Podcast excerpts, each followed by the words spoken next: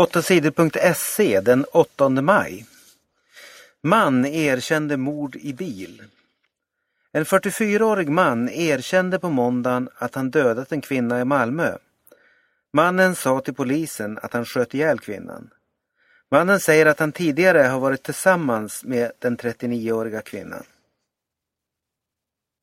Strejk i tv på onsdag. Imorgon onsdag kan det bli tyst och mörkt i tvn. Fackförbundet Unionen hotar med strejk. En del av de anställda på Sveriges Television kommer att strejka. Det betyder att kanalen SVT2 kan tystna helt. SVT24 och Kunskapskanalen tvingas också stänga om strejken bryter ut. Även på bilprovningen kan det bli strejk bland Unionens medlemmar. Tyresö vann stort i Umeå. Tyresö vann stort mot Umeå i fotbollsallsvenskan för damer. Laget från Stockholm spelade ut Umeå-tjejerna och vann matchen med 5-1. Line Röde Kansen och Kirsten van der Ven gjorde två mål var i matchen. Tyresö leder nu serien på samma poäng som Malmö och Vittsjö. Oroligt under valet i Syrien. På måndagen var det val i landet Syrien. Det var första gången på 50 år som människor i Syrien fick rösta i ett val till landets riksdag. 7000 politiker från sju olika partier var med i valet till de 250 platserna i riksdagen. Men många i Syrien är arga över att valet hålls nu. Det är strider i landet nästan varje dag. Regeringens soldater slåss mot rebeller. Alla vågar inte gå ut och rösta. Många tycker att valet därför blev orättvist.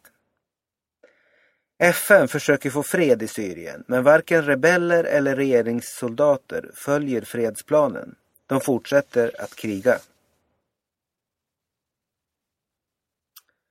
Misstänkt mördare hade vapen hemma. På måndagen åtalades en 40-årig man som misstänks för mord och mordförsök i Malmö.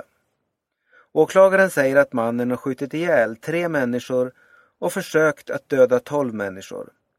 Nästan alla som mannen har skjutit på har sett utländska ut.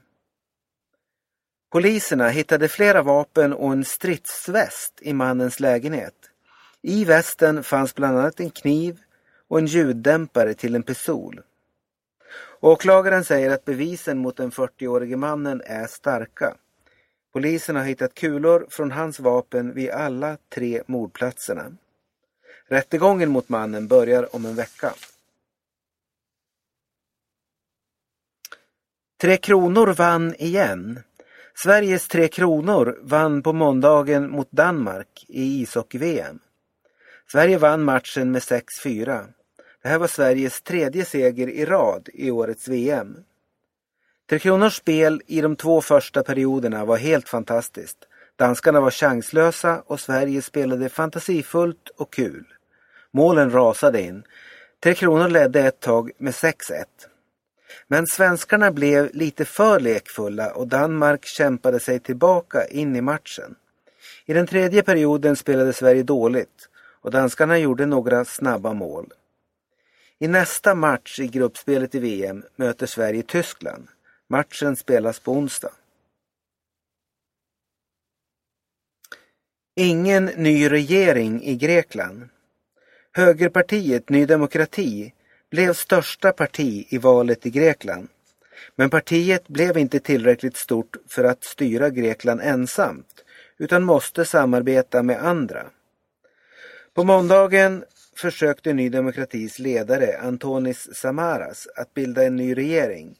Men det misslyckades. Vi har gjort allt vi kan. Men det var omöjligt, sa Antonis Samaras. Nu blir det vänsterpartiet Syrsias tur att försöka bilda regering. Partiet fick näst flest röster i söndagens val. Om även Syrsia misslyckas med att bilda en regering så kan det bli ett nytt val i Grekland.